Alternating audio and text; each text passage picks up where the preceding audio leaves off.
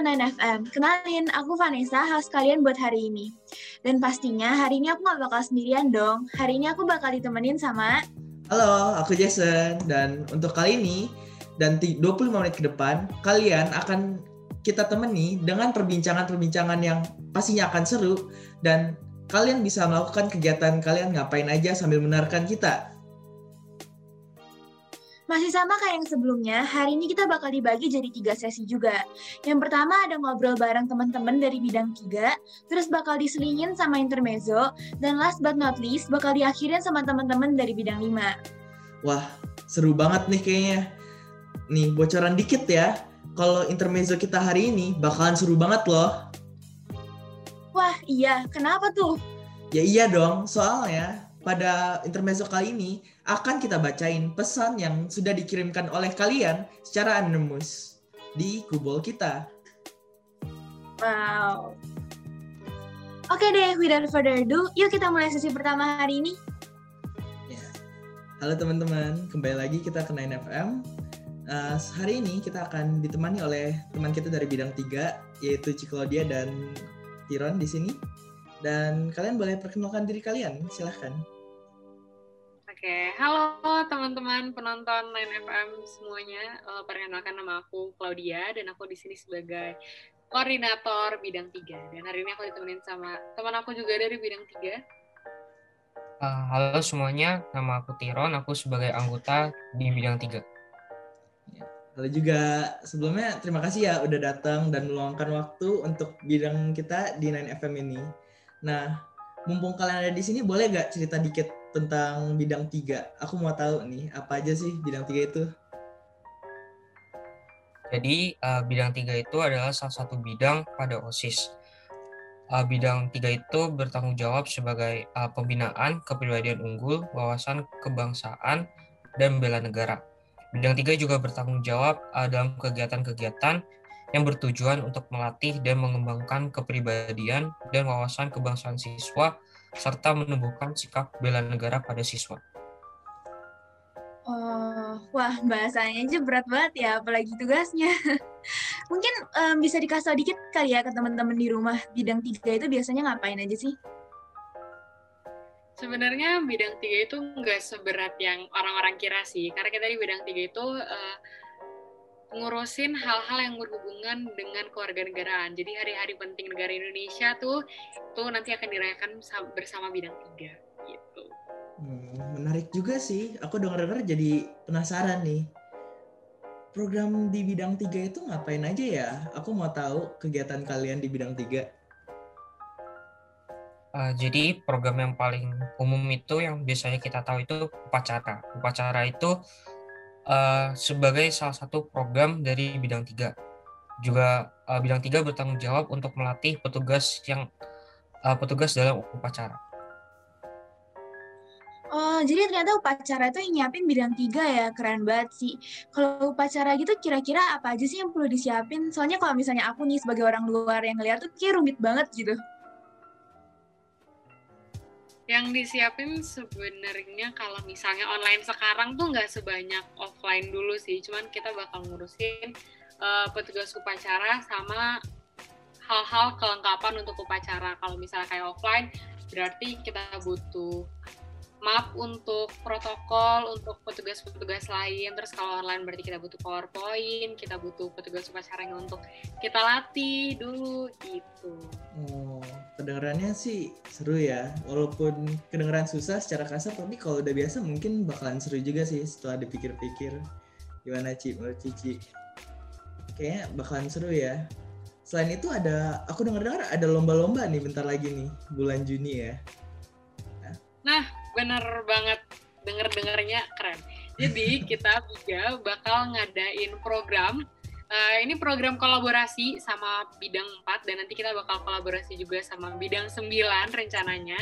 Um, jadi kita akan mengadakan per, ha, perayaan untuk Hari Pancasila. Nah, tapi kita nggak cuman upacara doang, teman-teman. Chill, kita nggak bakal bosen-bosenan.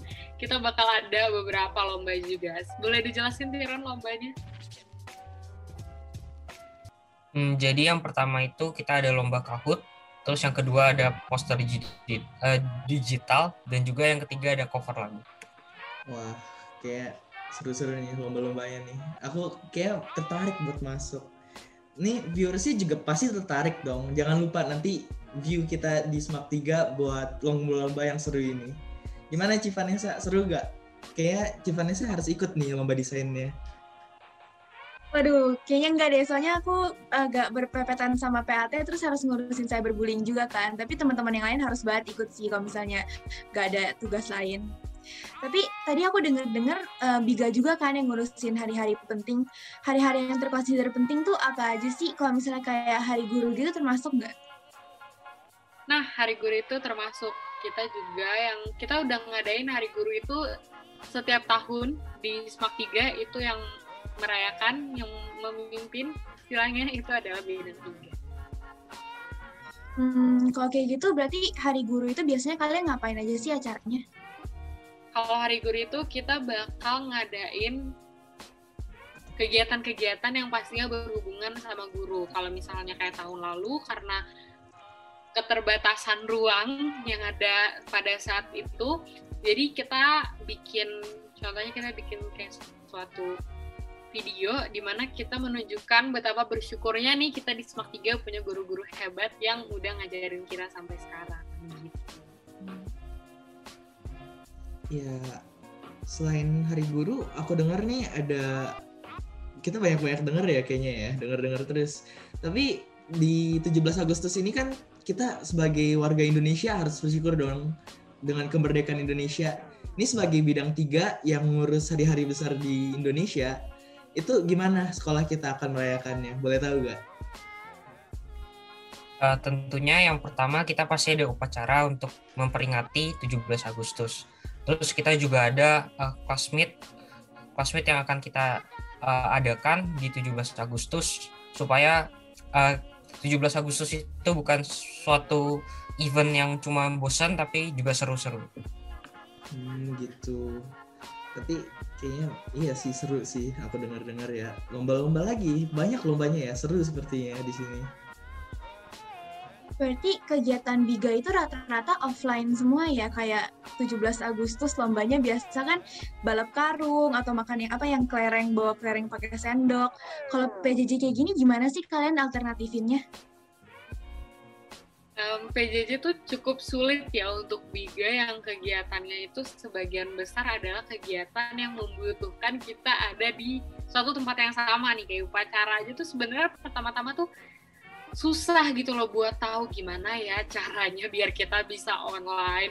Cuman um, karena mau nggak mau kita harus tetap melaksanakan program biar biganya nggak mati jadi kita ngakalin beberapa hal sih kayak upacara kita bikin online dengan powerpoint dan live terus kegiatan-kegiatan yang hmm, harusnya mungkin lombanya lomba fisik kita ganti jadi lomba yang ya kita sesuaikan lah dengan lomba apa sih yang bisa kita laksanain di rumah doang? Mungkin orang-orang mikir uh, kesannya jadi nggak terlalu biga tapi menurut kita itu bakal tetap biga karena kita tetap seru-seruan. Wah seru-seru. Emang seru banget ini bidang tiga ya. Ini setelah aku dengar-dengar berarti uh, di bidang tiga itu bakalan banyak hal yang dilakuin dong. Aku mau dengar nih sebagai teman baru bidang tiga Tiron dan Cikaudia aku mau tahu kalian itu bidang tiga uh, ada suka duka yang bisa diceritakan nggak? Apa yang mau pengalaman kalian untuk disaksikan oleh orang-orang ini? Uh, jadi aku kan sebagai anggota baru ya di bidang tiga aku aku juga baru uh, pertama kali ikut organisasi sekolah. Jadi ini um, nambah banyak pengalaman buat aku juga di biga uh, di biga ini bidang tiga juga bukan mungkin orang lain nganggap bosen cuma tentang upacara upacara tapi kita itu juga seru banget sebenarnya. Kalau uh, ada sih beberapa ya pasti. Apalagi kita tuh cukup mengalami banyak banyak problem banyak kekagetan dari offline ke online dan salah satu duka yang menurutku agak susah diubah tuh adalah pandangan orang-orang sih. Jadi orang-orang tuh selalu melihat Biga tuh bidang yang sangat berat gitu loh. Jadi kayak kalau misalnya ditanya bidang berapa? Bidang tiga. Wah, jiwa nasionalismenya tinggi banget. Iya benar sih jiwa nasionalismenya mungkin agak lebih tinggi dari yang lain. Cuman kayak orang tuh jadi ngeliatnya kayak orang terbayang-bayangnya kalau ngeliat kita tuh upacara doang gitu kayaknya ya. Padahal sebenarnya kita juga punya program lain. Program kita tuh harus selalu balance kayak ada seriusnya, kita ada main-mainnya juga gitu. Tiga kayaknya penganut makin banyak event makin seru juga nih ya. Kira-kira dari bidang tiga ada pesan gak nih buat uh, teman-teman yang lagi di rumah? Kalau dari Biga mungkin kita cuma mau kasih tahu aja ke teman-teman kalau misalnya Biga tuh tidak membosankan kok. Teman-teman Biga itu seru banget. Jadi buat teman-teman yang mungkin tahun depan pengen ikut Biga ayo join Biga dan jangan lupa buat teman-teman juga uh, ikutin terus program-program yang akan dilaksanakan Biga nantinya. Terima kasih juga untuk bidang 9 yang sudah mengundang Biga ke 9FM Enggak kok, kita di sini juga berterima kasih banget sama bidang tiga udah mau diundang ke acara ini. Kayak kita itu udah bersyukur kalian mau meluangkan waktu kalian yang udah dipakai banyak banget untuk ngurusin bidang kalian. Dan buat viewers di rumah ya nanti lomba-lomba sama bidang tiga kalian boleh ikutin ya. Ini boleh diikutin nih kata-kata Cik Claudia ini harus nih.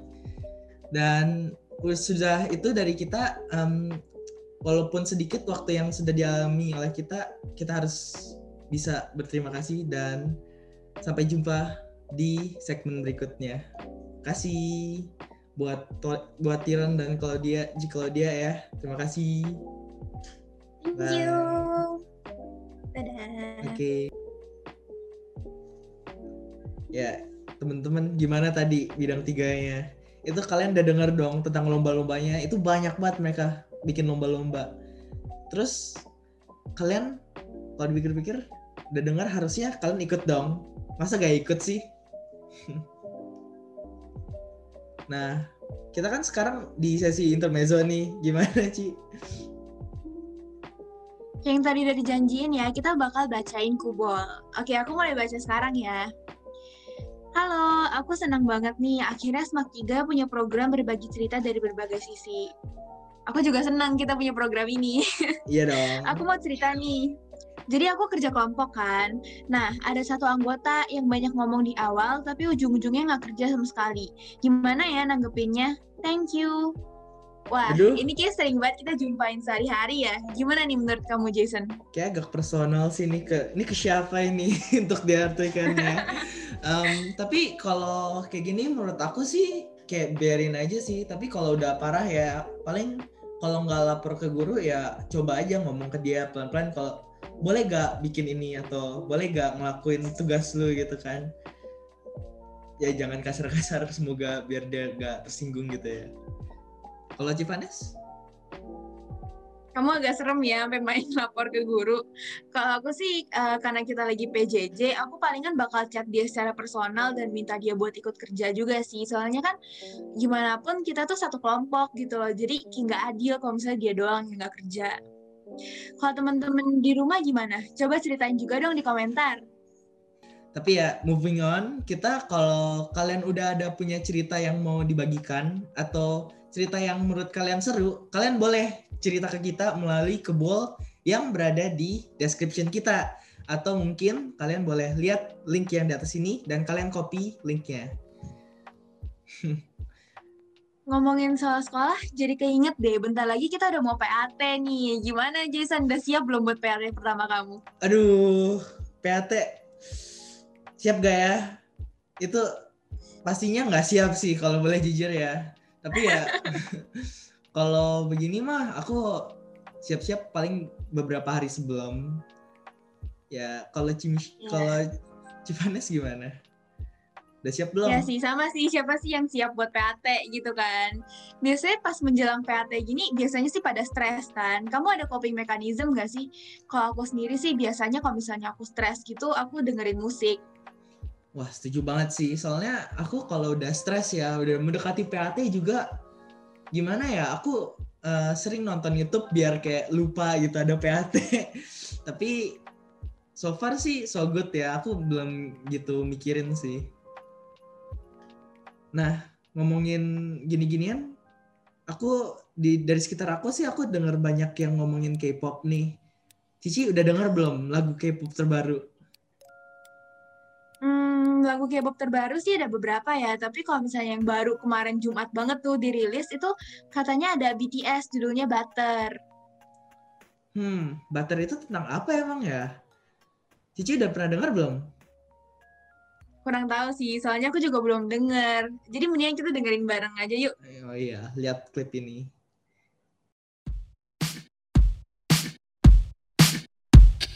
Smooth like butter, like a criminal undercover. Don't pop like trouble, breaking into your heart like that. Cool shade stunner, yeah, owe it all to my mother. High like summer, yeah, I'm making you. Gimana tuh menurut kamu? Kayaknya lagunya catchy banget ya. Wah, lagunya itu sih bagus banget sih. Aku, aduh, gimana jelasinnya ini? Aku aja sebenarnya bukan K-popers, tapi setelah mendengar lagu ini, saking bagusnya, aku bisa menjadi K-popers setelah ini. Aduh, kalau aku sih emang uh, dari awal udah K-popers ya, tapi kayak BTS emang wah keren banget sih. Kayak mereka tuh banyak narik orang ke dunia K-pop gitu. Iya, begitulah ya. Nah, kita waktu intermezzonya udah habis nih. Selanjutnya kita akan lanjutkan di episode berikutnya. Terima kasih sudah mendengarkan. Dadah. Bye. Sampai jumpa di intermezzo episode selanjutnya. Bye. Wah, intermezzonya seru banget ya tadi ya. Menurut kalian gimana? Nah, pada sesi 2 ini kita akan ngajak dua dari teman kita di bidang sembil, di bidang 5, sorry. Kalau uh, kita akan ngajak mereka untuk berdiskusi dengan apa yang mereka lakukan di bidang mereka. Bener, bakal seru banget nih ada teman-teman dari bidang 5. Yuk kenalan dulu dong namanya siapa aja, biar teman-teman di rumah juga bisa kenal sama kalian. Oke, hai, nama aku Erastus. Uh, aku power bidang 5. Hai, nama aku Diandra, aku anggota dari bidang 5. Oke, halo semuanya. Sebelum kita lanjut, Hai. coba jelasin sedikit dong tentang bidang kalian. Bidang 5 itu tentang apa sih? Dengar-dengar ada hubungannya sama PKN ya? Nah iya, bener banget. Jadi tuh uh, bidang kita tuh sebenarnya uh, bidang pembinaan HAM, pendidikan politik, lingkungan hidup, kepekaan, dan toleransi sosial. Jadi itu uh, sebenarnya ada hubungannya juga dengan yang namanya demokrasi. Oh, kedengarannya seru-seru banget sih ini. Eh, boleh tahu gak programnya ada apa aja? Jadi di bidang 5 tuh ada beberapa program. Contohnya tuh ada Decide sama di Untold. Jadi kalau di Decide itu kita uh, biasa laksanain, laksa- laksanain dua minggu sekali di hari Rabu. Dan biasa tuh kita posting di Instagram atau di grup angkatan. Tapi isi Decide sendiri tuh apa sih? Isi Decide itu tuh ada uh, satu berita, berita yang paling menarik di antara dari semua berita di dua minggu itu yang kita pilih dan kita ceritakan kembali. Terus yang kedua itu di Antot. Nah, di Antot ini kita tuh mengundang salah satu tokoh politik atau figur politik yang udah terkenal atau lumayan terkenal. Kita uh, minta mereka untuk menceritakan tentang kehidupan mereka dari mereka masih kecil sampai mereka sudah sukses sekarang tuh kayak gimana sih kayak perjalanannya apa aja. Dan kita biasa kita akan lakukan ini di bulan Oktober tahun 2021 tentang ini terus kita bakal lakuinnya di Zoom.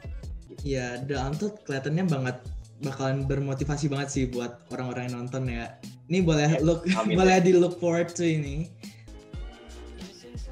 Nah, selanjutnya kita kayaknya akan ngebahas juga nih tentang apa yang berhubungan dengan bidang kalian. Boleh di take away, Tadi- eh, Cipanis? Tadi katanya bidang 5 itu ada hubungannya sama demokrasi ya?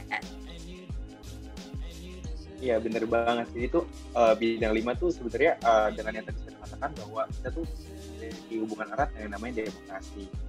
Nah, kalau saya mau nanya nih, kalau menurut kalian demokrasi itu apa sih? Ya, demokrasi menurut aku em, itu sesuatu kayak penyuaraan opini masyarakat untuk eh, presiden agar mereka bisa memperbaiki negara kita atau bangsa kita gitu. Menurut aku sih demokrasi seperti itu. Kalau menurut aku sih ya kurang lebih kayak gitu lah ya. Kayak intinya dari rakyat untuk rakyat oleh rakyat. Nah itu tuh lumayan udah mendekati sih, tapi demokrasi yang sebenarnya itu tuh suatu bentuk pemerintahan di mana rakyat di negara itu menganut sistem yang mereka bisa melibatkan diri mereka sendiri itu dalam pembuatan hukum negaranya atau buat mengatur struktur kepemimpinan negara gitu. Kayak misalnya mereka bisa berperan dalam membuat undang-undang atau peraturan di negara itu atau mungkin mereka bisa uh, memilih kayak presiden atau wakilnya kayak kurang lebih yang kayak ada di negara kita itu. Hmm, iya. Dan juga sebenarnya uh, dasar negara kita yaitu Undang-Undang Dasar dan juga Pancasila pun udah merumuskan bahwa kita itu merupakan sebuah, sebuah negara yang uh, demokrasi. Jadi dalam pembukaan UUD 1945, alinea keempat dan juga sila keempat Pancasila yang berkata bahwa rakyatan ini dipimpin oleh hikmat kebijaksanaan dalam permusyawaratan perwakilan. Dengan demikian berarti itu uh, menyatakan bahwa demokrasi Pancasila merupakan demokrasi de, uh, deliberatif dan juga itu pun salah satu akar bahwa Indonesia itu merupakan negara yang demokrasi, demokrasi gitu. Oh, gitu. Ya, um, jadi sebenarnya kayak kalau dipikir-pikir ya uh, demokrasi itu penting kan ya buat Indonesia. Kayaknya yeah. um, uh, silahkan uh, coba boleh dibahas lebih lanjut gak sih? Kayak aku masih bingung kayaknya deh. Uh, tentang pentingnya ya, demokrasi. Iya. Nah, iya. Jadi itu sebenarnya uh, demokrasi di sebuah negara itu sangat penting. Apalagi kita tinggal di Indonesia yang memiliki uh, banyak suku, ras, dan agama yang berbeda-beda semua. Sebenarnya karena adanya demokrasi ini, setiap permasalahan itu dapat dibicarakan dengan baik-baik. Contohnya secara bermusyawarah atau secara bersama-sama. Nah, dengan uh, sistem demokrasi itu juga, kita tuh dapat setiap orang, setiap kita bisa ber, bebas berpendapat.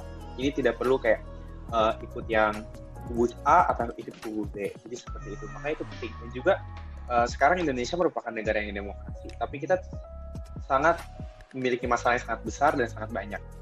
Uh, bisa kalian bayangin nggak kalau misalkan Indonesia itu bukan negara demokrasi? Maksudnya masalah yang datang tuh akan uh, lebih banyak lagi dibanding yang sudah sekarang gitu. Nah, kalau gitu kalian bisa kasih contoh dikit nggak nih, kayak demokrasi itu ada di mana aja sih? Ya, jadi kita bisa bilang tuh demokrasi umumnya ada di tiga tempat. Yang pertama tuh ada di rumah, yang kedua di sekolah, yang ketiga tuh di masyarakat sama kehidupan berbangsa dan negara. Kayak yang kita sering dengar lah ya dari SMP di pelajaran PKN tuh banyak kan kayak demokrasi rumah, demokrasi sekolah, masyarakat, bangsa negara gitu gitu semua.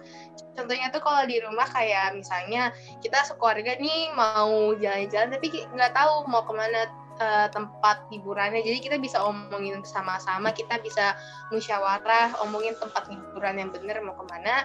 Terus jadi gitu kalau yang di sekolah, contohnya tuh yang kecil-kecil aja kayak milih ketua kelas atau waktu ketua kelas tapi kalau misalnya buat yang lebih gede lagi yang melibatkan satu sekolah itu sendiri itu kayak pemilu ketua osis sama wakil ketua osis yang kita sendiri pernah lakuin kan itu itu kan melibatkan nggak cuma siswa doang tapi ada warga-warga sekolah yang lain kalau di masyarakat dan hidupan bangsa dan negara ini tuh yang lebih luas ya. Jadi seperti yang kayak tadi di sekolah agak mirip-mirip, kita bisa ngikutin juga kayak pemilu um, kepala daerah, mau itu kepala RT, RW, lurah, kecamatan, atau bupati, gubernur, presiden, wakil presiden, uh, itu semua pemilu pemilihan uh, kepala daerah itu termasuk bentuk demokrasi sebenarnya banyak macam ya kalau demokrasi itu. Soalnya aku kira kalau dengar kata-kata demokrasi yang paling kepikiran pemilu atau pilih presiden, pilih menteri, gitu-gitu. Aku aku cuma tahu itu iya. doang. Yeah. Sekarang membantu banget sih kalau udah ada tahu ya. Ternyata di sekolah aja ada di dalam kehidupan sehari-hari. Ya, berarti kita sebenarnya bisa ngelaksanain demokrasi itu di mana aja dong ya. Eh, tapi aku baru tahu loh demokrasi ternyata berhubungan sama Bhinneka Tunggal Ika juga ya. Iya, jadi tuh uh, demokrasi itu berhubungan dengan Tunggal Ika. Uh, jadi tuh dengan adil demokrasi itu juga salah satu cara kita untuk tetap uh, bersatu, nggak terpecah. Hmm, baru tahu sih aku kayak kalau dengar-dengar iya sih masuk akal sih kayak kita harus bergabung bersatu pikiran untuk kayak menyelesaikan masalah gitu kan. Um, ya benar banget.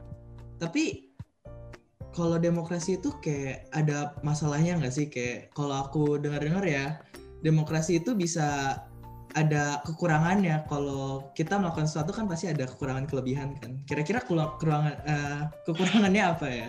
Sorry nggak bisa ngomong tadi jadi uh, kita lihat aja ya misalnya di pemilu kayak yang tadi contohku kan pemilu tuh. Kalau di pemilu tuh biasa ada penyalahgunaan hak suara kayak mungkin kayak manipulasi hak suara dan lain-lain gitu. Dan yang masalah kedua itu kurang edukasi sama kurang peduli. Tapi kayak kalau kita ada uh, kekurangan atau problem dari dari uh, kegiatan demokrasi ini kayak uh, aku boleh tahu gak kayak ada penyelesaiannya apa sih kayak kalau ada masalah pasti ada penyelesaian dong kayak kalau enggak kita bakal hancur negaranya ya.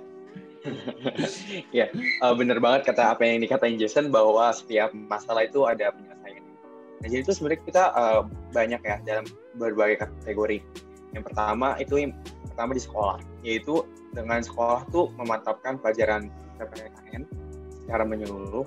Dan juga uh, pemerintah pun juga harus uh, mempertegas bahwa seluruh sekolah wajib uh, menyeluruhkan uh, pelajaran PPKN itu.